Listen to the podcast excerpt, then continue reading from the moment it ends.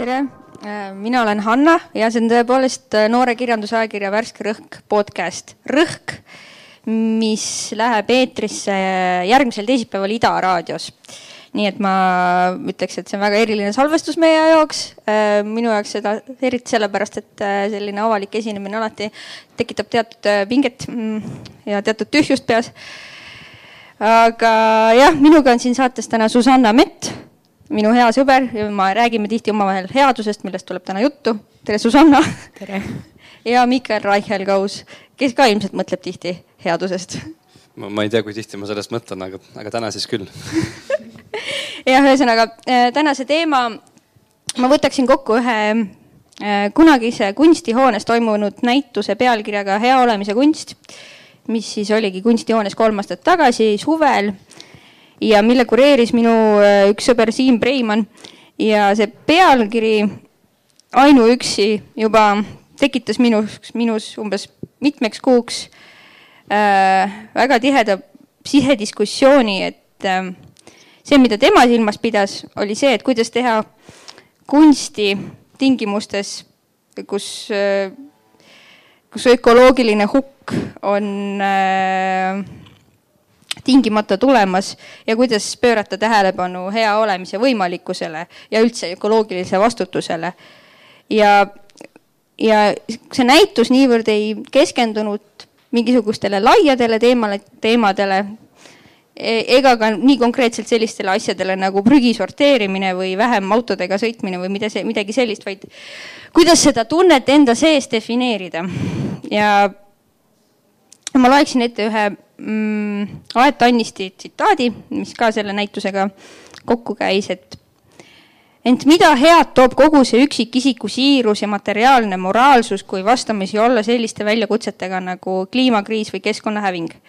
Väljakutsetega, mille skaala on globaalne ja mille lahendamise takistused peituvad ühiskondades erinevates arusaamades moraalist endaski ja lakkamatust materialismist õhutatud võistluses riikide, ettevõtete ja gruppide vahel. Niisiis, kui kõike seda, kõike seda silmas pidada, siis äh, minus on see küsimus küpsenud ja ei ole veel lahendanud, lahenenud, et kuidas olla iseenda ja kogu maailma vastu hea kõikides nendes, kõiki neid tingimusi arvesse võttes. ja täna äh, minu eesmärgiks ei ole mingit, mingeid lahendusi, mitte lahendusi välja pakkuda, aga ühesõnaga, see on minu jaoks äh, teekond ja kindlasti Eh, ma ei, mul ei ole valmis nagu mingit lõpp, lõppvastust sellele küsimusele ja ma tahaksingi seda küsimust mm, mitmele eri, mitme eri aspekti, aspekti kaudu avada. Vot, aga Susanna ja Miikal, et ähm, mida head te olete täna enda jaoks teinud? Enda jaoks mm? -hmm. tähendab äh ma ei pidanud enda jaoks palju head tegema, sest et äh, minu jaoks juba tehti, ma ärkasin hommikul üles ja siis mind oodati hommikusöögile, mis pidi alguses olema siis ühes äh, kohvikus minu maja kõrval, aga kuna kell oli varajane ja see oli kinni, siis, siis tuli välja, et see hommikusöök toimub hoopis äh, Dorpat hotellis. ja te teate küll, hotelli hommikusöögid on sellised, et sa saad seal süüa hästi palju ja hästi nii kõike, mida tahad, et kõht on terveks päevaks täis, et ma arvan, et see on päris suur hea asi, mis ma, hea asi, mis ma enda jaoks tegin, on see, et ma ärkasin üles ja ma sõitsin sinna kohale, et sellest nagu piisas suurepärane. ma arvan, et äh, ma tegin enda jaoks juba ette varem ära, et leppisin kokku, kellega ma saan kokku. ehk siis äh, juba need inimesed, kellega ma olen kokku saanud, on teinud mu juba päeva heaks. ma arvan, et kuidagi olen organiseerinud selle, et mul oleks teiste läbi hea Nonii, siin saabki teha väikese vahekokkuvõtte, et äh, Miikali äh,, Miikalil on hea olla, kui ta saab süüa ja mida ta ilmselt siis ei pea ise tegema. seltskond oli ka hea seal. ja, ja Susannal on hea olla teiste inimestega koos. minul, äh, minu, minu, mina olen täna omaenda jaoks ka palju häid asju teinud, näiteks ma ärkasin kell pool üksteist üles. see on alati väga hea, kui sa ärkad kell pool üksteist üles, kui sa, kui sa lähed kell kaks öösel magama. vot aga kui nüüd mm, minna natuke tõsisemate teemade juurde, siis ähm, tahaksingi nagu tegelikult küsida, et äh, kuidas te olete iseenda jaoks ja mitte nagu laias mõistes defineerinud hea olemist? mida see teie jaoks tähendab? Äh, see on huvitav küsimus, sest ma olen nagu aastaid juba, kui keegi on küsinud mult, et kelleks ma tahan saada, siis mul on aastaid olnud juba vastus, et ma tahan saada heaks inimeseks ja siis alati inimesed nagu satuvad segadusse või noh, et kas sa ei ole siis enda arvates juba hea või noh, aga, aga, aga tundub, et see on mingisugune mm, alatine protsess äh, ja, ja see on, võib-olla see heaolek äh, on, on minu jaoks nagu alati selline isiklik küsimus, mitte nagu, et kas ma olen hea, et kas ma olen hea täpselt see keskkonna või, või maailma vastu, et see on nagu, ei ole see, mis mul tuleb esimesena pähe, vaid just see, et kas ma olen iseenda ja endale lähedaste inimeste vastu eh, hea ja kuidas seda defineerida. ma arvan, et see hakkab mingisugusest äh, austusest ja, ja siirast äh, mingisugusest sellisest huvist võib-olla, et mind huvitab see, kes mina olen, mind huvitab see, kellega ma räägin ja, ja mind huvitab just sellena, kes tema on või kellest mina olen, et, et ma äh, proovin vist nagu läheneda äh,, aina enam proovin läheneda hinnangut, et, et ma ei tea, kas me räägime hiljem sellest äh.... no võime sellest vabalt ka praegu rääkida. okei okay., nüüd tuleb see, et miks, miks, miks mul on imelik siin olla, et, et asjad, millest ma räägin sõpradega niimoodi ükshaaval, eks ole ähm,. loen äh, pikemat aega juba äh, Carl Rogersi raamatut äh, Saada iseendaks, mis on mis on siis äh, kliendikeskse psühhoteraapia rajaja. Ähm, on siis äh, Rogers ja, ja tema kirjutab, kirjutas siis äh, kuuekümnendate alguses siis sellest, et küll terapeudi pilgu läbi, aga ühesõnaga, et kuidas luua abistavat suhet. ja kuidas, kuidas ja, ja minu jaoks on saanud nagu keskseks see, et kuidas luua ruum, milles teine inimene saab kasvada ehk siis see, et, et sa suudad olla selline, et teisel inimesel on iseendaga nii mugav, et ta saab ise areneda. ja ma arvan, et see on minu nagu see keskne headuse äh, kuidagi, mille poole ma pürgin igapäevaselt mm. -hmm. Miikael no nagu me siin alguses ütlesime, tuleb olla põnev vestluskaaslane ja tuleb inimestele süüa teha, et see on headuse, headuse definitsioon, aga tegelikult, kui sa saatsid need küsimused ähm, välja, siis ma sattusin vaatama sellist huvitavat vestlust. Vene kirjaniku Dmitri Põõkovi ja siis äh, Ukraina praegu ühe põhilise kõneisiku Oleksi Arestovitši vahel. Ja tuleb välja, et Arestovitš on üsna, lisaks sellele, et ta kommunikeerib sellist igapäevaseid poliitilisi ja sõjalisi uudiseid, on ta ka väga põhjaliku humanitaarharidusega ning äh, on lõpetanud, ma ei tea, mitu ülikooli. Äh, kui te Youtube'is vaatate, tuleb välja, tal on äh, päris palju loenguid seal keskaja filosoofiast ja teoloogiast ning muuhulgas ta ütles seal selles vestluses välja huvitava mõtte, mis nagu haakub sellega, mida, mida sina mm, küsisid ka ta ütles, et äh, ta, ta rääkis dialoogist ja ta tõi välja, et äh, dialoog, meie oleme harjunud mõtlema sellest kui kahekõnest, et mina istun kellegiga maha äh, ja, ja vestlen temaga. aga ta ütles, et alg, algne tähendus, selle sõna algne tähendus oli siis minu arust Pythagoras, ma arvan, et oli Pythagoras, kes, kes selle sõnastas, on dialoog nii-öelda sinu enda sees. et sul on väline mina, kes eksisteerib sind ümbritsevate inimeste jaoks ja kes siis äh, peab kinni igasugustest kohustustest, teda huvitab tema enda reputatsioon, teda huvitab äh, noh, õilsad asjad, aga ka muuhulgas sellised asjad, mis, mis on puhtpraktilised, kas ma saan äh, süüa, kas ma, kas mind austatakse ja nii edasi. ja siis sul on see sisemine mina. ja noh, mulle tundub, et see hea olemine on, on teatud balanss selles dialoogis sinul oli dialoog teise inimesega, ma arvan, ma olen, ma, ma, selles peab ka olema balanss, eks ole, kus sa, kus sa suhtled temaga, sa oled avatud temale, nagu sa rääkisid, sa leiad aega tema jaoks ja teiselt poolt sa tead, kes sa ise oled seal keskel. ja see on üks, üks osa sellest, ma arvan, teine osa sellest on see balanss sinu sisemises dialoogis või sinu välise mina ja sinu sisemise mina dialoog, eks ole. mingid asjad, mida sa teed sellepärast, et teised vaatavad pealt või teised nõuavad või mida on vaja mugavuse pärast teha ja teiselt poolt see, mida sa teeksid siis, kui sa oled ainult iseendaga ja teisi ei ole sinu ümber. aga sinu jaoks? minu jaoks. jah. no ma, ma arvan, et see ongi see, see, see balanss selles, noh, see, see kõik ongi iga, iga inimese jaoks, eks ole, see kõik on selle isik, isiku keskne. aga mm, ma, ma, ma, ma ei tea, ma, ma enam-vähem vist andsid selle definitsiooni, mis minu jaoks toimib võib-olla. no sa tegid seda väga osavalt teiste autorite kaudu. ja, sest et vaat. ma tegin ka jah. aga okei okay,, kui, kui ma kõik. kui, kui keegi, kui keegi teine on sinu, sinu eest selle juba ette ära sõnastanud, siis, siis miks sa peaksid midagi uut välja mõtlema, ei leiuta jalgratast iga kord. okei okay,, aga kui te väiksed olite, kui te lapsed olite ja te mõtlesite heast inimesest, milline ta teie jaoks oli? mina küsisin täna oma tütrelt Paulalt, et kes on tema jaoks hea inimene, ta hakkas rääkima mitte halbadest inimestest. ehk siis eituse kaudu. et näiteks Putin on halb tema jaoks. ja sõda on halb aga, aga ja ta ütles, et suurem osa inimestest on head. aga, aga ta ei nagu ei, ei teinud seda nagu tema enda ee, ütleme, intelligentsi kasutades nagu niimoodi lahti, nagu ma oleksin arvanud, et ta teeb. Aga mida teie väiksena arvasite? ma ausalt öeldes absoluutselt ei mäleta. Või noh, selles mõttes, et ähm.... kas ema ei öelnud sulle, ole hea tüdruk. No tõesti, ma ei mäleta selles mõttes, et äh, ma arvan, et pigem on olnud see, et äh, kui ma teen midagi halba, siis ma tean, ahah, see oli halb. Või noh, ka, et selle eituse läbi võib-olla pigem. Või noh, et mingid tegevust või asjad, aga ma ei mäleta, mis ma, kuidas ma defineerisin enda jaoks.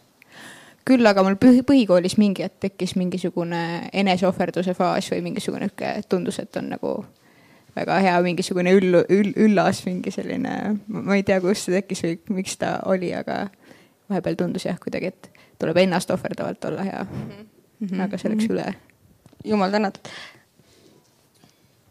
no lapsepõlves mul oli selline üks teos, mida mulle pidevalt ette loeti, see oli last, laste piibel ja, ja seal äh, oli selline tegelane nagu hea samaarlane temal juba oli nimes öeldud, et ta on hea. ja ma arvan, et, et võib-olla tema on selline esimene hea inimese eeskuju, kes, kes praegu niimoodi pähe tuleb, kui sa küsid lapsepõlve kohta just nende lapsepõlveseoste kohta, sest et äh, mida ta tegi, ta, äh, ta sõitis mööda tänavat, ta nägi, et äh, on keegi inimene, keda peksti läbi ja kes on väga halvas seisus, lamab maas Äh, ja vaatamata sellele, et see inimene oli, oli siis juut ja juutide ja samaarlaste suhted olid muidu väga keerulised, aga see kõik on see ajalooline kontekst, et, et ta, ta äh, läks sellelt oma eestleit maha ja aitas seda inimest ja viis ta kuskile haiglasse või mitte haiglasse, siis ei olnud haiglat, siis oli mingisugune, ei olnud hotelle ka, aga oli mingi kõrtsilaadne asi, et, et seal sai magada ja ta siis leppis selle kõrtsmikuga kokku, et okei okay,, et äh, mina maksan tema äh, elamise siis siin kinni ja kui veel midagi vaja läheb, et ravimid või mida iganes, ravimeid ei olnud ka, aga siis oli mingi vein, vein ja õli, mida sai umbes haavadele panna, et, et kui, kui, kui. aadri nende... laskmine. aadri laskmine. ja aadri laskmine jah. vaata, me oleme siin kogu aeg, kusjuures see, see tõlkeprotsessis, et meil, meil, meil on mingid nagu mõisted milles on umbes lastepiibel kirjutatud, need kõik kaasaegsed mõisted ja siis sa pead hakkama mõtlema, et kui palju nendest asjadest oli siis kohapeal olemas. aga, aga no see selleks, et mm, mulle tundub, et, et see hea samaarlane on, äh, on see number üks eeskuju, sest et ta aitas kedagi, keda ta muidu ei tundnud ja kelle aitamine ei olnud mitte kuidagi temale endale kasulik ja võib-olla isegi mingis mõttes kahjulik, sest et noh, see, kes maas oli, oli sisuliselt tema vaenlane. aga see halbade inimeste näide, mida sina, sina tõid äh, oma, oma tütre Paula puhul, et, et, et see on muide ka õige, sest et selles samas Hea samarlase loos, seal ju alguses on kolm inimest, kes kõnnivad sellest läbipekstud mehest mööda ja nemad on just need, kes peaksid justkui talle abi osutama, sest nemad on samamoodi juudid. aga nad miskipärast ei tee seda, sest et noh, erinevatel põhjustel, aga, aga nad kõnnivad mööda ja siis sam-, samaarlane eristub nendest mm -hmm. sellepärast, et tema on see hea, hea tüüp mm. -hmm. et nii, et äh, kui võtta väike, teha väike kokkuvõte, siis äh, siis võib öelda, et hea inimene ei ole ignorantne teiste suhtes, kui me räägime headusest maailma või teiste vastu, jah jah, ja, ja, ja, ja kusjuures see samaarlane kindlasti ostis temale hommikusööki, sest et äh, kui sa jätad kellegi kõrtsi, ta ärkab järgmine hommik üles ja ta on lubanud, et, et ma maksan kõik kinni, järelikult ka hommikusöök. niisiis, sa oled ka kõik on kooskõlas. niisiis, sa oled ka ettenägelik, jah. jah, meil on, meil on süsteem on, on loodud, tähendab. jah nüüd, kui sa sellest äh, laste piiblist rääkisid, siis äh, kristlasena, kuidas sa enda jaoks sellest ikkagi mõtled? millest? headusest. headusest no jah, see on, see on, ma kunagi oli meil, ma õpetan kõrg-, tavaliselt tegelikult ei õpeta, aga selles aines ma pidin korraks assisteerima, sest et peaõppejõud oli välismaal kuskil reisil. ja pidin tegema seminari tudengitele, seminar on siis, kes ei tea, niisugune teoloogiline kool, kus valmistatakse igasuguste koguduste töötegijaid.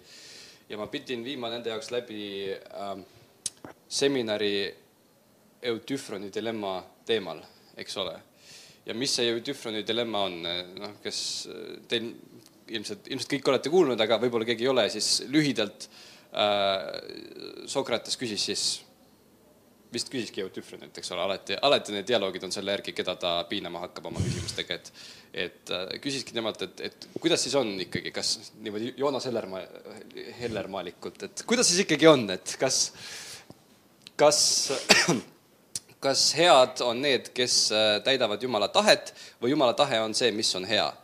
Ja niimoodi me seal äh, umbes poolteist tundi oma tudengitega arutasime, väga huvitav oli jälgida, kuidas nad ühest otsast teise kogu aeg hüppavad, et alguses ma küsin endalt, no et, et okei okay,, et noh, et kuidas siis ikkagi on, kas, kas hea on see siis, mida Jumal lihtsalt tahab, siis nad ütlevad mulle heade baptistidena, loomulikult jah, nii on, et kõik, mida Jumal tahab, on hea. siis ma ütlen, okei okay,, aga mis siis, kui järgmine päev Jumal küsib teilt, et, et palun mõrvake mõni laps tänaval, siis nad nagu oot-oot-oot-oot, et kuidas niimoodi, et ma ei saa ju noh sul südametunnistus justkui räägib vastu, aga just, aga eelmises lauses sa ütlesid, et, et kõik, mida Jumal tahab, on hea.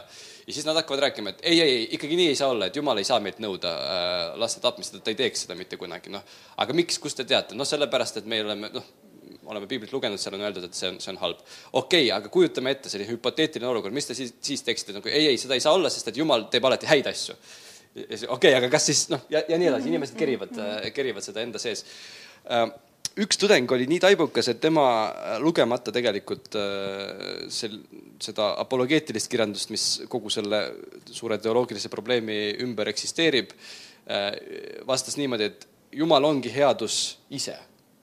ja see vastus, ta võib olla nagu natuke sofistlik tunduda, et noh, sa, sa vali mingisuguse formuleeringu et äh, põgeneda sellest küsimusest, aga ma arvan, tegelikult ta ei ole, sest et äh, kui me mõtleme niimoodi inimese peale, inimesel on sageli palju identiteete, tal on palju erinevaid kalduvusi, tal on palju erinevaid soove, mis on tihti omavahel konfliktis.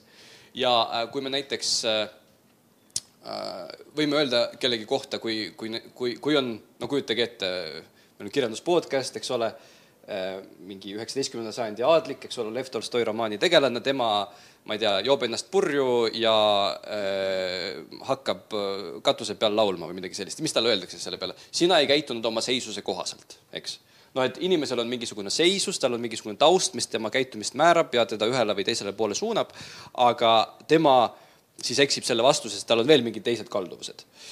nüüd inimese puhul on see täiesti loomulik situatsioon, me kõik oleme sellistes situatsioonides olnud, no mitte, et me kõik oleksime katuse peal laulnud purjus olles, aga, aga noh, te saate aru küll. Äh, nüüd noh, Jumala puhul sellist situatsiooni ei tohiks olla, sest et tema identiteedid ja tema kalduvused ei ole kunagi omavahel konfliktis, tema käitub alati nüüd mingis mõttes paratamatult iseenda suhtes, aga noh, see väljub meie, meie mõtteraamistikust, kuid, kuid ma arvan, see on sellegipoolest loogiline. ja, ja siin ongi vastus tegelikult sellele küsimusele, et mis on headus, headus ongi, ongi Jumal ise mm. -hmm. no selles on midagi väga ilusat loomulikult isegi kui ei ole usklik inimene. no tahaks loota, ma ei tea, te võite kommenteerida, et Susanna, mida sa kommenteerid? no agnostikuna ütleks, et mulle nagu niisugune lähenemine meeldib või see on jah, ütleme sihuke tõmbaks mind kõige rohkem, tõmbab noh, mind huvitab selles mõttes kristluse temaatika ja hästi palju nii, nii seda moraalset poolt kui, kui siis noh, mingi võrdleva ajalooline meetodi mõttes juba on nagu hästi huvitav kogu see temaatika ja ma ütleks küll ka, et ma olen ka mõelnud, et, et jumalat nagu peaks pigem jah, sihukese nagu headuse või sellise midagi sinnapoole mm. -hmm no nii, äh, saate lõpuks me loodame, et Susanna võtab Jeesuse Kristuse oma südamesse vastu, aga, aga. Mm, ma ootan ka seda sina oled ka väga oodatud liituma, et aga, aga, aga äh, ma, mis ma, mis ma tahtsin sinna lisada, et, et see headus, ta, ta ei ole, ta ei ole nagu printsiip veel e, evangeeliumis on ka üks koht, kus äh, inimene tuleb Jeesuse juurde ja siis küsib talle, et mida ma peaksin siis tegema, et pärida igavest igavesti elu, minu meelest ta küsib niimoodi. ja siis Jeesus vastab talle enam-vähem stiilis, et mis sa minult küsid, on ainult üks, kes on hea. ja see on just keegi, mitte miski mm. -hmm. ja, ja, ja siin tuleb ka see dialoog, dialoogilisus siis sisse, eks ole, seesama, mida sina rääkisid, et sul on dialoog teise inimesega ja sul on nagu mingis mõttes dialoog Jumalaga, et, et see et selle hea tundmaõppimine on nagu teise inimese tundmaõppimine. see ei ole lihtsalt raamistik või reeglite pakett, mida ma võin nüüd täitma hakata, vaid ta on protsess jah, see mm, natukene liigun nagu mujale, aga, aga minu arust see sinu see dialoog iseendaga, et eh, selleks, et olla teise, et, et tekitada see teisele sihuke kasva, kasvamisvõimalik ruum, siis tegelikult sa peadki kõigepealt nagu ikkagi iseendas jõudma sellele rahule. et noh, et ma arvan, et see ongi nagu iseenda vastu võib-olla hea olemine, aga, aga just see, et või noh, minu kogemuses need on jälle siuksed asjad, mis sa pead nagu ise läbi tunnetama, et, et see klišeelik lause nagu kannaks kuidagi nagu. aga, aga see, et, et sa võtad kõik asjad, mis sa tunned, et sa võtad need vastu. et näiteks mul millalgi tekkis ühe, ühe väga lähedase inimese suhtes mingisugune kibe, kibe, kibe, kibetustunne mingiks perioodiks ja, ja hästi pikalt ma nagu kuidagi proovisin seda alla suruda või noh, et ma ei peaks sihukest asja tundma või panin sellele hinnangu ja üks hetk ma mõtlesin, et aga tegelikult on ükskõik, me nagunii het-, sellel hetkel ei suhelnud, et see ei tee talle kuidagi haiget äh, või noh, et see ei vii mingite tagajärgedeni, et las ma siis tunnen seda kibedust. ja, ja tegelikult, kui ma otsustasin lasta sellest lahti, siis see läks mõne päevaga üle või, või nädalaga umbes. et see lihtsalt kuidagi lahenes mu sees ise ära. ehk siis hästi oluline on nagu kuidagi teadvustada seda, mis sa tunned ja siis võtta see nagu omaks. ehk jah, ma loomulikult mingist tasandil, ma tunnen, et see ei ole see tunne, mida ma tahan tunda, aga kuna sa seda hetkel tunned, siis äh, selle peab nagu endast läbi laskma. ja siis, äh, kui nüüd hakata teise inimesega suhtlema, siis äh, on samamoodi, et sa peaks, et, et kui sa hakkad varjama seda, mis sa tunned teise inimese suhtes, siis see tegelikult noh, see on kõigi jaoks halb, sest kui sa ei ole näiteks enda jaoks seda tunnet isegi teadvustanud ja saadad mingisuguseid alateadlikke kehalisi sihukest mingeid sõnumeid ja teine inimene võtab võib-olla need ka alateadlikult vastu. aga kohe tekib ruumis mingisugune pinge või hõõrdumine või noh, et, et tegelikult isegi kui ta sellest aru ei saa, siis ei saa ennast nagu päris vabaks lasta. ehk siis, kui, kui nüüd lasta iseendast need tunded läbi ja olla teiste suhtes nagu ka, et, et sa ei pea olema nagu järjekindlalt hea kogu aeg teise suhtes.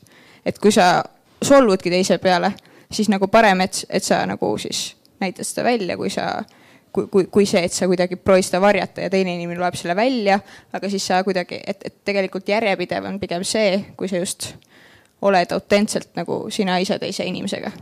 sest noh, teine saab ju ka aru, et sul on teis erinevad tunded ja, ja see, et kui sa suudad olla sina ise ja siis sa võtad teist inimest ka vastu sellisena, nagu ta on, et sa ei sa ei pane nagu mingisuguseid hinnanguid, proovi meeleheitlikult peale suruda, vaid jõuda nagu sellise punktini, noh, see on jälle see terapeudi punkt, et võib-olla see ei ole nagu kõigile inimsuhetele laiendatav alati.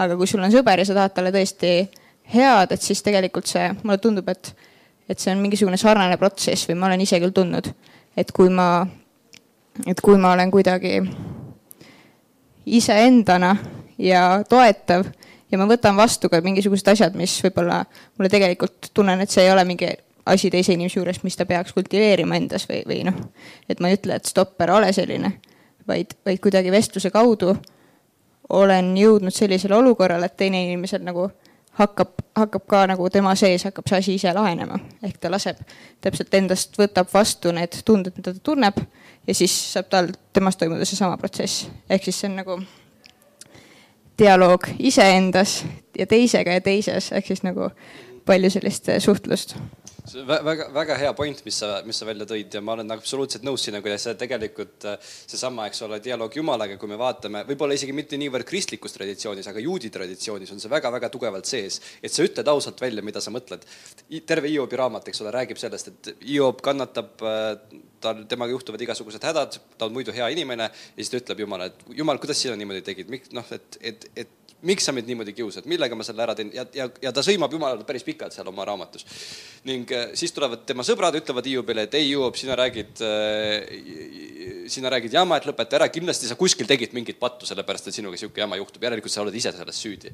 aga äh, Hiob ei, ei jäta järele ja lõpus, päris Hiobi raamatu lõpus Jumal ütleb nendele sõpradele, et kuulge, teie peate nüüd äh, paluma Hiobit, et tema teie eest palvetaks sest et tema rääkis minust õigemini kui teie, ehk siis see ausus on nagu väärtus iseeneses no.. jah, ja teine asi, mis sealt tuleb kohe, on usaldus, mis Just. on ka nagu väga fundamentaalne selles mõttes, et, et äh, iseendas ja ka teiste, teistega suheldes täpselt, et see avatus äh,, avatus saab tekkida ainult siis, kui sa usaldad.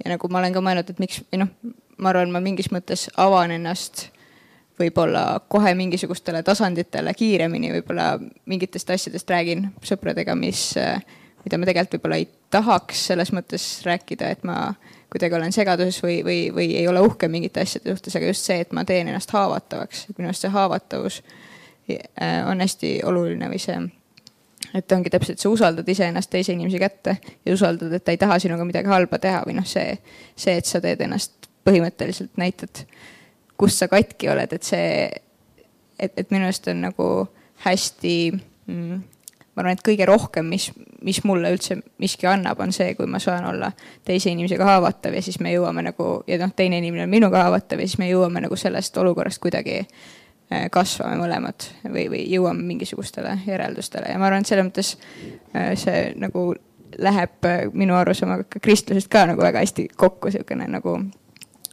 usaldav ja selline ausus. ühesõnaga, mida rohkem on meil tähenduslikke suhteid, seda paremad inimesed me oleme. ei. või mida tähenduslikumad suhted meil on? ei, ma arvan, et see on nagu individuaalne, et minu jaoks kindlasti, aga see ei ole nagu kvantiteedis, vaid mm, -hmm. vaid see on nagu ja noh, see on ka võib-olla, et, et minu enda jaoks on oluline, et ma, et, et see on hästi täitev tunne minu jaoks, kui kui, kui ma näen, et mul on teise inimesega ja teisel inimesel on äh, minuga hea ja, ja selles mõttes see on hästi tohutult suur tunne, kui ma saan aru, et aa, see vestlus, mis meil oli mm, -hmm. et see on tegelikult viinud ta mingisugusest ummikust nagu edasi. või sind. või mind mm -hmm. või mõlemat mm. -hmm.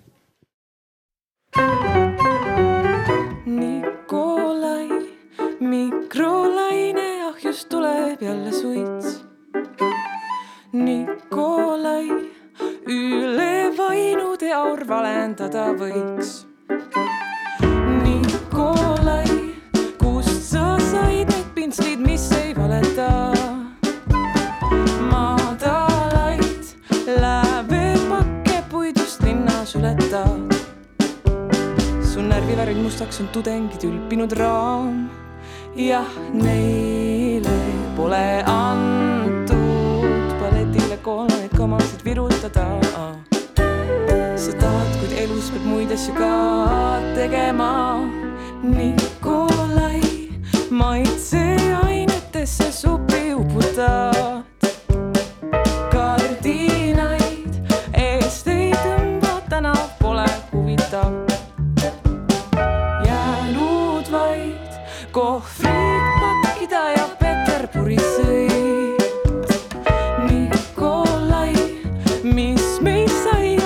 Süüdistada võiks.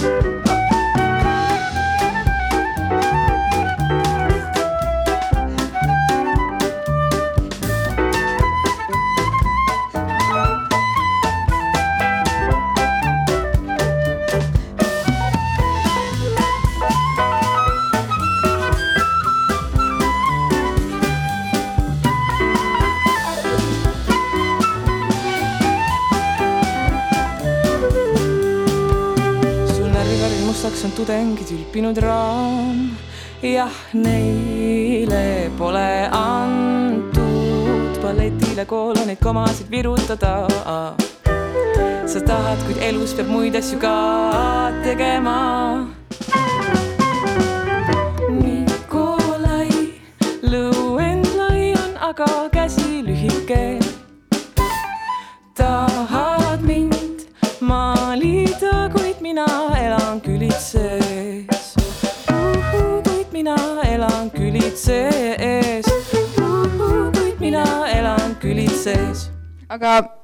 Kui nüüd siit natukene edasi minna, siis äh, me oleme siin rääkinud äh, sellest, kuidas oma äh, suhetes hea olla ja me oleme rääkinud Kristlusest, aga kuidas seda ikkagi nagu minu jaoks see suur küsimus on, et ikka kuidas seda igapäevaelus praktiseerida, kuidas olla iseenda parim versioon niimoodi, et maailmal või ühiskonnal on selle jaoks kasu, sellest kasu, et see, mida ma tööl teen näiteks või, või see, kuidas ma üldse elan. ja siis ma täna hommikul guugeldasin mingisuguseid mõisteid ja siis äh, guugeldasin näiteks äh, hea olemist ja ja siis tuli välja, et hea olemine on äh, üks asi spa, spa-kultuuris, et et guugelda hea olemine ja siis sa leiad äh, Viiking spaas äh, paketi. Et kaks päeva oled spaas ja siis sa saad massaažis käia ja ujuda ja siis sul on pärast hea olla. Aga mida ma tegelikult ilmselt mõtlesin, oli see, et kuidas olla teiste vastu hea, mitte konkreetselt kuidas enda õlgu lasta mudida ja loomulikult siis ma jõudsin äh, efektiivse altruismini, mis on siis ratsionaalne ja tõenduspõhine vaatenurk hea tegemisele. Ja ja minu meelest, mis on nagu efektiivse altruismi juures huvitav, on see, et nad on väga nagu mingisugused hästi konkreetsed sihid seadnud, mille, mille, millega saab võidelda umbes äärmusliku vaesuse vastu, loomade ekspluateerimise vastu ja parandada kaugemat, kauget tulevikku ja neil on hästi sellised konkreetsed lahendused, et, et kui sa veedad su suurema osa oma ärkveloleku ajast tööd tehes, siis samal ajal võiksid sa ka midagi kasulikku teha. ja, ja mis mulle nagu mm, efektiivselt altruismi puhul huvitavalt silma jäi, oli see, et, et nad ütlevad, et et tegelikult sa ei pea tundma oma töö suhtes kirge, sa võiksid selles lihtsalt hea olla ja nii siis nagu ja, ja, ja siis selle töös hea olemise tagajärjel sa teenid piisavalt raha, et näiteks annetada. jah, äh, mis mind nagu efektiivse altruismi juures veel närvi ajas, oli see, et nad ikkagi ei vasta sellele, mis on hea ja mis ei ole ja kui me pöördume tagasi nüüd selle Aet Annisti tsitaadi juurde, et, et kui äh, ühiskondades on erinevad arusaamad moraalist, siis äh, millest lähtuvalt ma siis efektiivselt altruistlik olen. ja pealegi ei, ei, sea see kuidagi kahtluse alla meie ühiskondlikku korda ehk kapitalismi. et äh, mida teie arvate, kas äh, mm, on võimalik oma töökohal töötades olulisi probleeme lahendada ja kas see on üldse võimalik? Sorry, vahepalaks eh, ma, ma ei tea, kas ma olen ainuke, kellel tulevad sotsiaalmeedias kogu aeg need Ecoshi reklaamid ette. kas teil ka? mis asi? mis see on? see on mingisugune selline, ma ei tea isegi, nad vist teevad mingit, ma ei ole lõpuni aru saanud, mis nad teevad, kas see on mingi self-help või mingi vitamiinide firma ähm,. minul tulevad, mul tulevad Instagramis ainult beebi, beebidega seotud asjad millegipärast, nii et mm,. huvitav, aga, aga mul, mul mitte, äh, mul beebid ei tule, aga mul tuleb kogu aeg Ecos. sellepärast, et sa ei ole kakskümmend üheksa ja naine. kahjuks mitte jah, aga äh, igatahes, mis mu point oli, et seal, seal, seal on alati mm, tavaliselt niimoodi, et on nagu naisintervjueerija ja siis on nagu mingisugune sihuke nagu gurulaadne nagu mingi spetsialist või keegi, kes nagu vastab. Ja siis küsimus on ta, tavaliselt noh, sellised, et no kuidas ikkagi võita stressi? Ja siis, ja siis see meesspetsialist vastab, et, et teate, et minge välja jalutama, ärge istuge kodus, ärge vahtige seina, et, et no Sorry, ma olen seda reklaami reaalselt sada korda näinud ja mul on, mul on tekst peaaegu paha, pähe jäänud sellest. ära ole depressioonis ah,, mine jalutama. mine jalu-, mine jalutama, kõik su probleemi kaotavad kõik ka,, ka, maailmas on ainult kaks probleemi tegelikult, sõbrad, et üks on see, et ei käi piisavalt jalutamas ja teine on see, et ei joo piisavalt vett. kolmas probleem on see, et ei söö piisavalt Ecoshi vitamiine, tegelikult on kolmas probleem ka, aga ma lihtsalt mõtlesin, et kui me hakkame nüüd sellele küsimusele, et kuidas ikkagi olla hea, et, et no nii on, nüüd ma seletan sulle kohe ära, et kuidas, kuidas olla hea. okei, jäta meelde Ecos. no okei okay., sa ei vastanud mu küsimusele, aga okei okay. Äh, ma jäin ka nagu kõigepealt jäin esimesele asjale toppama see, see Viiking, see mis iganes sa rääkisid, onju, et, et, et tegelikult nagu väga suur küsimus mul on ka nagu minu sees on ka see, et äh, noh, olles äh, krooniliste valudega, mul on migreen, et siis kuidas ma saan nagu läbi selle hea olla, sellepärast et, et need on nagu noh, need mingisugused episoodid, kus, kus ma nagu, mul ei ole tegelikult seda vaimset ega füüsilist energiat, et ma saaksin nagu olemas olla kellegi jaoks. Ja, ja siis noh, see ikkagi äh, muserdab päris korralikult või noh, ma saangi aru, et, et mul on mingisugused, kas siis see, et ma ei, ma ei saa näiteks kuulata teist inimest, sest ma ei ole lihtsalt mõttega, ma ei saa kohal olla, sest ma olen eh, enda valu sees või siis see, et, et sa tunnedki mingisuguseid noh, ärritud kergemini või, või midagi, et, et tegelikult, et ma ei saa olla parim versioon minust, kui mul on valus äh, füüsiliselt. Ehk siis selles mõttes nagu võib-olla see spaapakett nagu noh, võib teha sind küll paremaks inimeseks. osta, osta sünnipäevaks, kui sa soovid. ära, ära osta aga see suurem küsimus ähm,. jaa konkreetselt selle efektiivse altruismi juurde äh, tagasi tulles, mulle tundub, et seal on mitu erinevat hea definitsiooni. Ähm, noh, nad, nad üldjuhul lähtuvad mingit laadi utilitarismist ja siis äh, on, ongi siis küsimus, et kas negatiivne või positiivne, siis mõned inimesed arvavad, et hea on see, et kui me vähendame nagu kannatusi võimalikult palju ja, ja proovime nii-öelda olemasolevatele olenditele siin maailmas siis äh, tekitada võimalikult head tingimused. ja kusjuures mul oli vahepeal oli korraldatud nagu mingisugune, mingi väike püsiannetus ühele EA fondile. ma avastasin vahepeal, et neil, et ma olen umbes kakskümmend senti annetanud äh, putukate heaolu organisatsioonile, noh, sest et see on fond, mis, mis võtab noh, palju raha ja siis nad jaotavad ise mingitele projektidele, mis on nende arvates efektiivsed, et, et nad, et nad lähevad putukateni välja ja võib-olla isegi kunagi, kunagi ka veel väiksemad organismid. aga siis on veel see teine strand nii-öelda, kus äh, tegeldakse hüvede maksimeerimisega mm -hmm. ja seal vahel jõutakse nende ideedeni, et noh, et, et võib-olla oleks päris hea äh, noh ma ei tea, kas toota on õige, õige sõna, aga, aga tekitada siia maailma võimalikult palju rotte ja siis panna nad kõik nagu mingitesse boksidesse, kus neile süstitakse heroiini pidevalt ja siis on äh,, noh, et nad kõik tunnevad ennast väga hästi ja noh. rotid ah?, rotid tunnevad ennast hästi. mulle tundub, ma, ma olen kuulnud küll, et rottidele vist meeldis heroiin, aga ma, ma ei ole kindel, et, et äh, no see, see on, see on, see on praegu, see on praegu näide lihtsalt, eks ole, et ärme detailidest kinni haara, aga, aga no point on selles, et, et, et kui nad kõik ennast hästi tunnevad ja neid on hästi palju, siis lõppkokkuvõttes maailmas on nagu palju eh, hüve selle arvelt, et, et on palju olendid, kes ennast hästi tunnevad.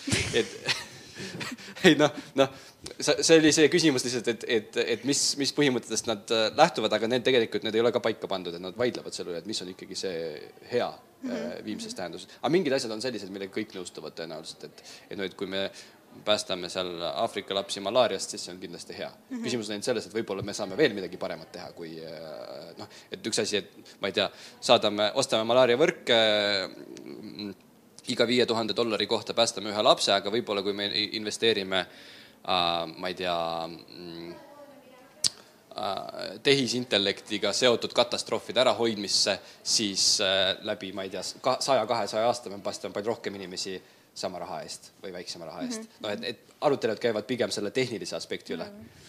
aga jah, nii, aga kuidas siis ikkagi on, Susanna, et, et aga on... tegelikult on ikkagi nii, et äh, ei noh, see, et ma arvan, et see on just noh, ikkagi hea ka, et see on lahtine, sest täpselt see, et, et võib-olla me leiame mingi veel parema viisi, kuidas seda noh, ühesõnaga, et, et kuskilt peab, kuskilt me peame hakkama tegutsema või noh, selles mõttes, et kui me jäämegi vaagima, et mis see siis see kõige-kõige parem on, et parem, et äh, et äh, me võitleme malaaria vastu, on ju, ja, ja samal ajal võib-olla arutama seda, et kas, kas me saaks kuskile veel panustada.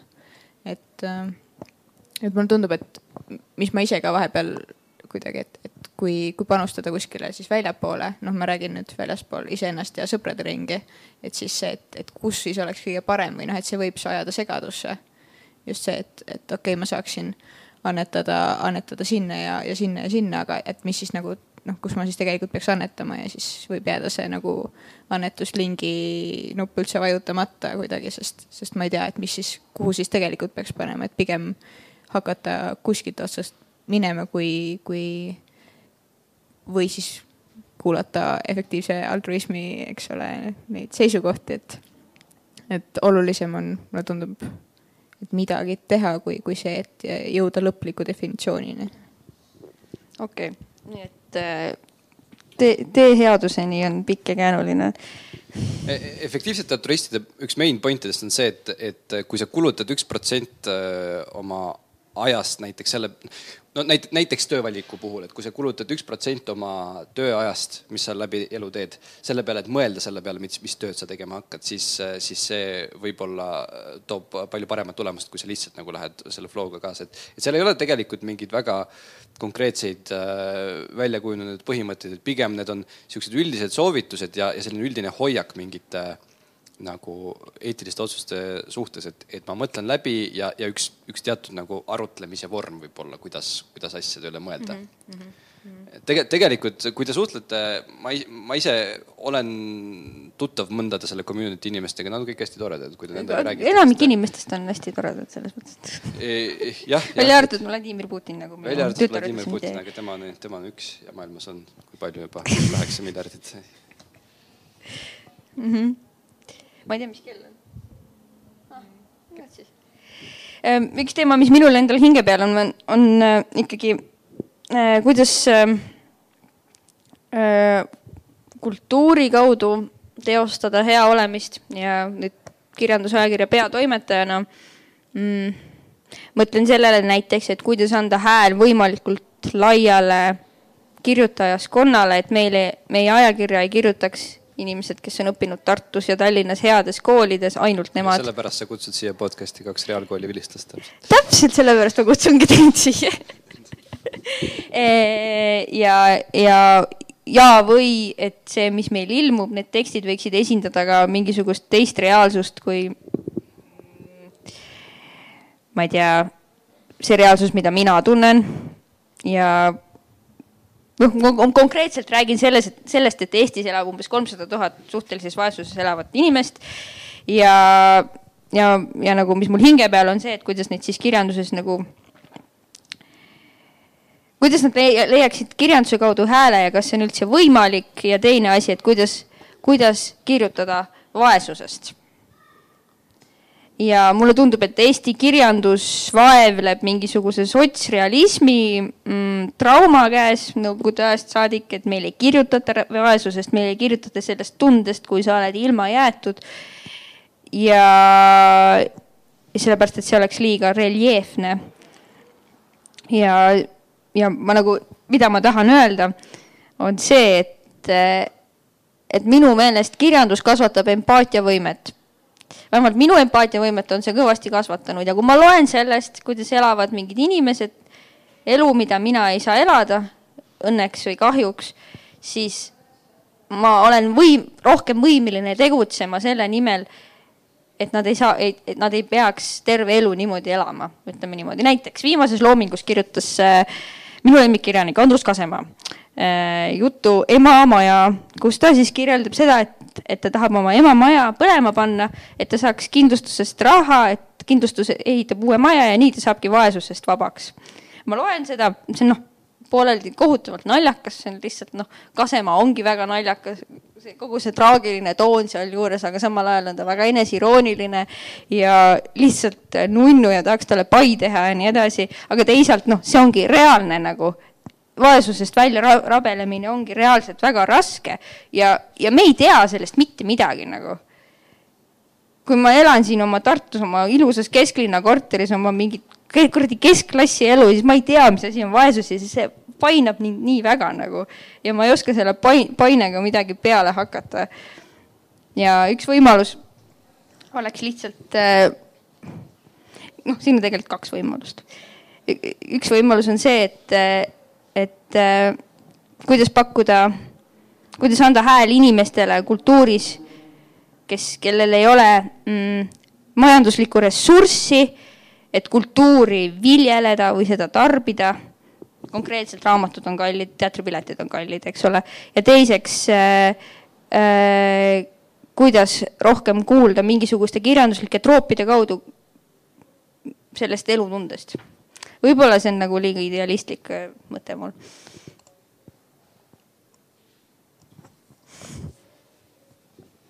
kuidas kommenteerite? Susanna, on sul, on sul mõtteid? mul väga palju ei ole, sest äh, ma näen, et sa oled pusas ja see äh, ja ma, mul, mul ei ole sedasama pusa peas kasva, kasvatatud, nii et ma võib-olla ei oska sellele läheneda niivõrd hästi ma arvan, et see, ma jäin mõtlema see, et see hääle andmise teema on ka nagu see, et, et noh, kas inimene, kes on vaene, tahab tingimata rääkida vaesusest äh, selles mõttes. äh, või noh, mulle tundub, et, et nagu vaadata kuskilt, kuskilsuguse kesk, kuskilt keskklassi äh, alla, et ah, et tahaks ikka lugeda, kuidas inimestel on raske. tegelikult ei mõelnud, ma ei, ma tegelikult ei mõelnud seda, et, et, et tahaks eksootikat kogeda aga noh, et, et küsimus, et kas, kas sihuke kirjandus, kas see vaest inimest kõnetab, selles mõttes nagu ka võib-olla on küsimus. ja, ja noh, hääle mõttes ma mõtlen, et äh, jah, ma ei tea selles mõttes, et, et mis on, mis, mis on see, mida inimene tegelikult tahab lugeda, et, et kas äh, kas vaesus on tingimata see, see teema, aga ma arvan, et sellest peaks kirjutama, aga, aga ma mõtlen, et kas see on nagu, et, et mis, mis teemad huvitavad inimest individuaalselt, et kas, kas see vaesus on eh, teema, mis näiteks vaest inimest tingimata kõnetab eh, nagu kirjandusliku teemana hmm. ma küsiks sult üle, et kas eesmärk on kajastada seda probleemi nagu noh, efektiivse altruismi mõttes, et me kirjeldame vaesust võimalikult äh, valusalt ja nii-öelda. ei, absoluutselt Äh, mitte. Et, et eesmärk ei, et eesmärk ei ole näidata siis rikastele inimestele, et nad peaksid rohkem vaestest hoolima, vaid eesmärk on selles, et äh, vaene inimene, kui ta loeb seda, siis ta tunneks ennast seal ära ja, ja et ta tunneks end esindatud. kas see on, ja esindatuse küsimus on minu jaoks oluline, aga kas see on, kas see on kirjanduse roll üldse? No kirjandusel on palju rolle. Kirja, kirjandusel on palju rolle, aga ma mõtlen, et vaata, praegu on nii palju teisi meediume lihtsalt, kui, kui noh, kui ma mõtlen esi-, esimene, esimene luuletus, mis mul äh, vaesusega mm, seoses äh, meelde tuli, ei olnud mitte ajakirjas ilmunud luuletus, vaid see oli, on selline äh, Kasahstani päritolu vene räppar Skriptoniit, ma ei tea, kas te tunnete, teate teda, olete kuulnud kunagi? äkki on keegi kuulnud sellist äh, heli, mille nimi on Sigma Mail Grindset? aga iga, iga, igatahes äh, Sigma Meil Grindset oli algupäraselt minu teada siis äh, Skriptoniidi laul Palaženje, millele tehti siis mingi slow version ja mingid uued sõnad, aga selles algs- ja need uued sõnad on, on rämps, et, et seda, seda ei tasu kuulata, aga aga Skriptoniidil endal see, see on suurepärane laul sellest, kui ta, tema, tema kaaslasteni elatud nooruses ja sellest, kuidas ta siis äh, püüdis ellu jääda, kuidas nad võtsid laenu kogu aeg, et äh, osta mingit, ma ei tea, telekat või, või pidada pulmi vennale ja õele. äh, ja, ja see kajastab nagu kogu, kogu seda valu, et, et see ongi inimene, kes on tulnud välja vaesusest, kes on, kes, kes suudab äh, noh, esindada, ütleme kogukond, see on va- va- va- va- va- vale, vale sõna, aga ütleme, ütleme seda sotsia-, seda sotsiaalset gruppi, tema, tema suudab seda esindada. kas tema sobiks kas tema, kas tema sobiks äh, mõnda kaasaegsesse kirjandusajakirja või võib-olla, aga, aga tõenäoliselt mitte. siin on küsimus ka kirjanduse piirides. nojah, noh jah, lõppkokkuvõttes me võime öelda, et, et kõik on kirjandus ja, ja Jah. siis, aga noh, aga siis, siis meil on ju olemas igasugused seal Kaur Kenderid, Peebi Lustad ja sellised inimesed, kes nagu tegelevad mingis mõttes äh, noh, selliste sotsiaalsete probleemide kajastamisega. ma ei tea, ma ei tea nende taustast liiga palju, aga, aga, aga see. no kahtlemata jah. see nišš on olemas. ma vist mõtlen ka nagu proosakirjandust, et, et no konkreetselt näiteid tuues lisaks Kasema olen kirjutanud äh, näiteks Andrus Kivirähk Maailma otsas, noh, noh muidugi humoorikas mõt-, mõt-, võtmes sellest, sellest elust ja näiteks Mari Saat Lasnamäe lunastajas, mis on üldse suurepärane raamat, imeline raamat. et äh, ma vist nagu mõtlen roh rohkem seda, jah. okei okay,, aga, aga ikkagi sa, sa otsid vaata mingi konkreetset meediumi, sa ütled, et peab olema proosas sellised teosed. ma ei ole kindel, et Skriptoniit oleks võimeline kirjutama äh, head proosat, sest et kui kuulete, kuidas ta intervjuudes räägib, ta tundub, noh, ta ei tundu nagu väga tark inimene, ausalt öeldes, nagu, nagu, nagu, nagu päriselt. Beebilust ka mitte. no aga tema laulud on geniaalsed selles, vot, vot kuidagi ühe laulu piires ta suudab äh, panna sõnad ritta niimoodi, et nad kõlavad hästi, need kõlavad poeetiliselt, nad tabavad. kui ta hakkab pikemalt rääkima, siis see enam ei toimi mm. -hmm. ja, ja ma ei ole kindel, et, et noh, et, et see, et see peab, et see peab äh, just sellises proosameediumis äh, väljenduma. no, ma arvan, et see võib hea. just kõnetada just noh, et ta kõnetabki ka teistes meediumites, et et muusikat võib-olla kuulatakse rohkem, kui loetakse proosat tänapäeval, ma ei kujuta ette, aga no väga hea, te aitasite mul ühe sõlme lahendada, aitäh.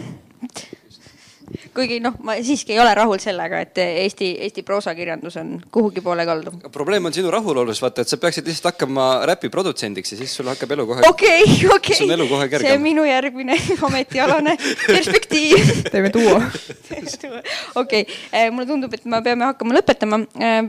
Alles alustasime, me alles alustasime, võiks veel kolm tundi rääkida. alles rääkisime soojaks. Ehm, siis ma guugeldasin veel ühte mõistet nagu well-being ehk siis nagu heaolu, mis on siis kombinatsioon heast enesetundest ning hästi toimimisest.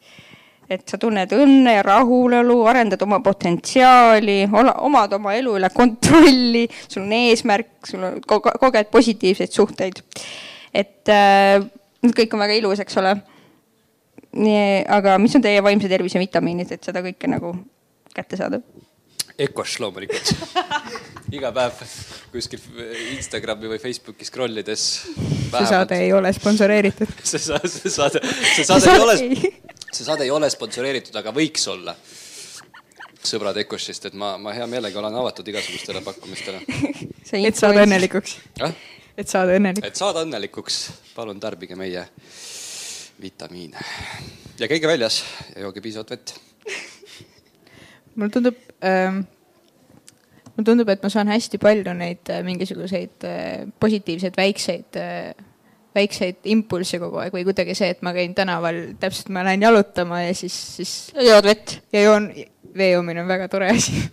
aga mis meil on siin ka well defense kirjutatud just, just.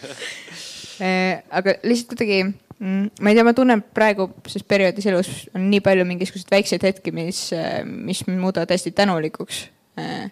tänulikkus on alati naljakas nagu sõna, mis, kui tuua kuskil äh, niimoodi vestluses tundub kuidagi ülepaisutatud, aga, aga tõesti see, et, et äh, ma ei tea, kasvõi see, et ma lähen kohvikusse ja siis äh, teenindaja on kuidagi noh, mingi, saan temalt mingi positiivse impulsi või, või ma saan sõbraga kokku ja me saame midagi lahti räägitud või ma loen, loen mingi hea lõigu kuskil raamatust või, või lihtsalt mul on tore ärgates olla, et hästi palju on siukseid väikseid, just siukseid mikrohetki, mis, mis nagu kokku loovad siukse põhimõtteliselt jolo ikkagi. mida see tähendas, ma ei saa. no et kui sa naudid iga hetke oma elust ja siis sa nagu elad ühe korra ja siis sa saadki iga hetke nautida. või või? no põhimõtteliselt jah. mis ma siin raiskan sõnu üldse. ja sul, Mikal?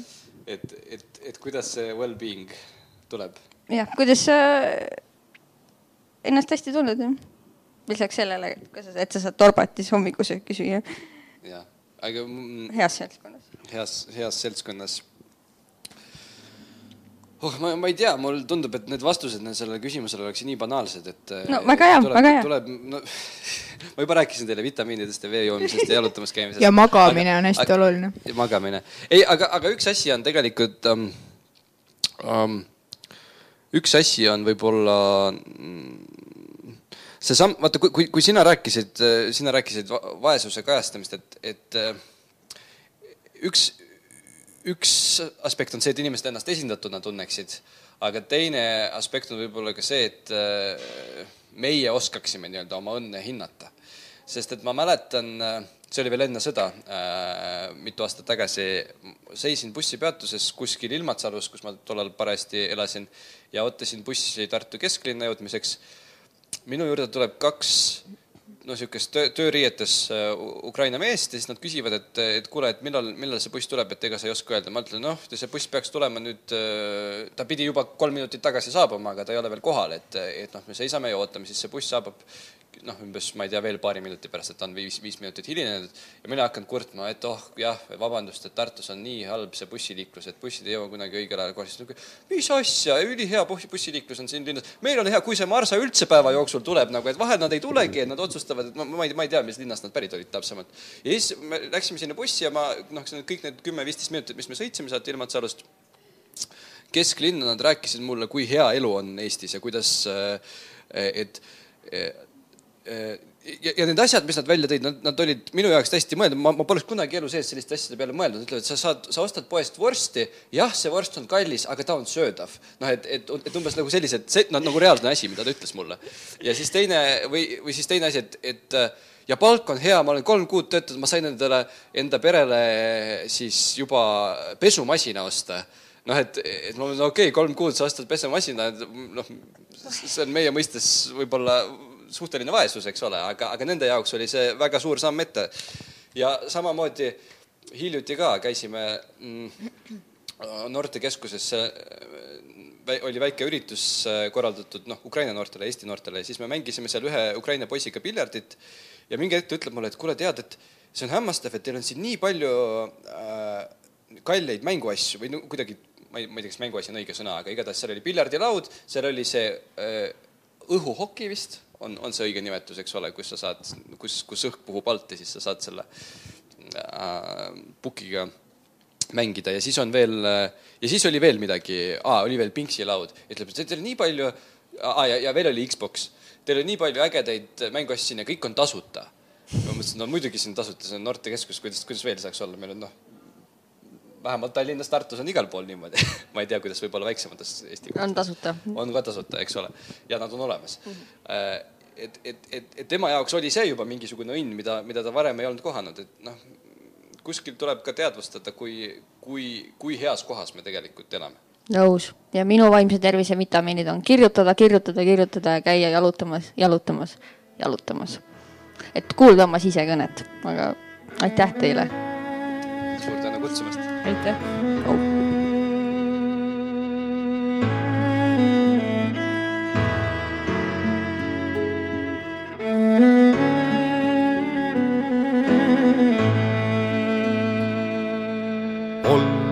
Võiks nii, et on vaid radirii ja miks ka mitte vahel radiridiraa algab päev, aknast näed, õues jälle oh-oh-hoo.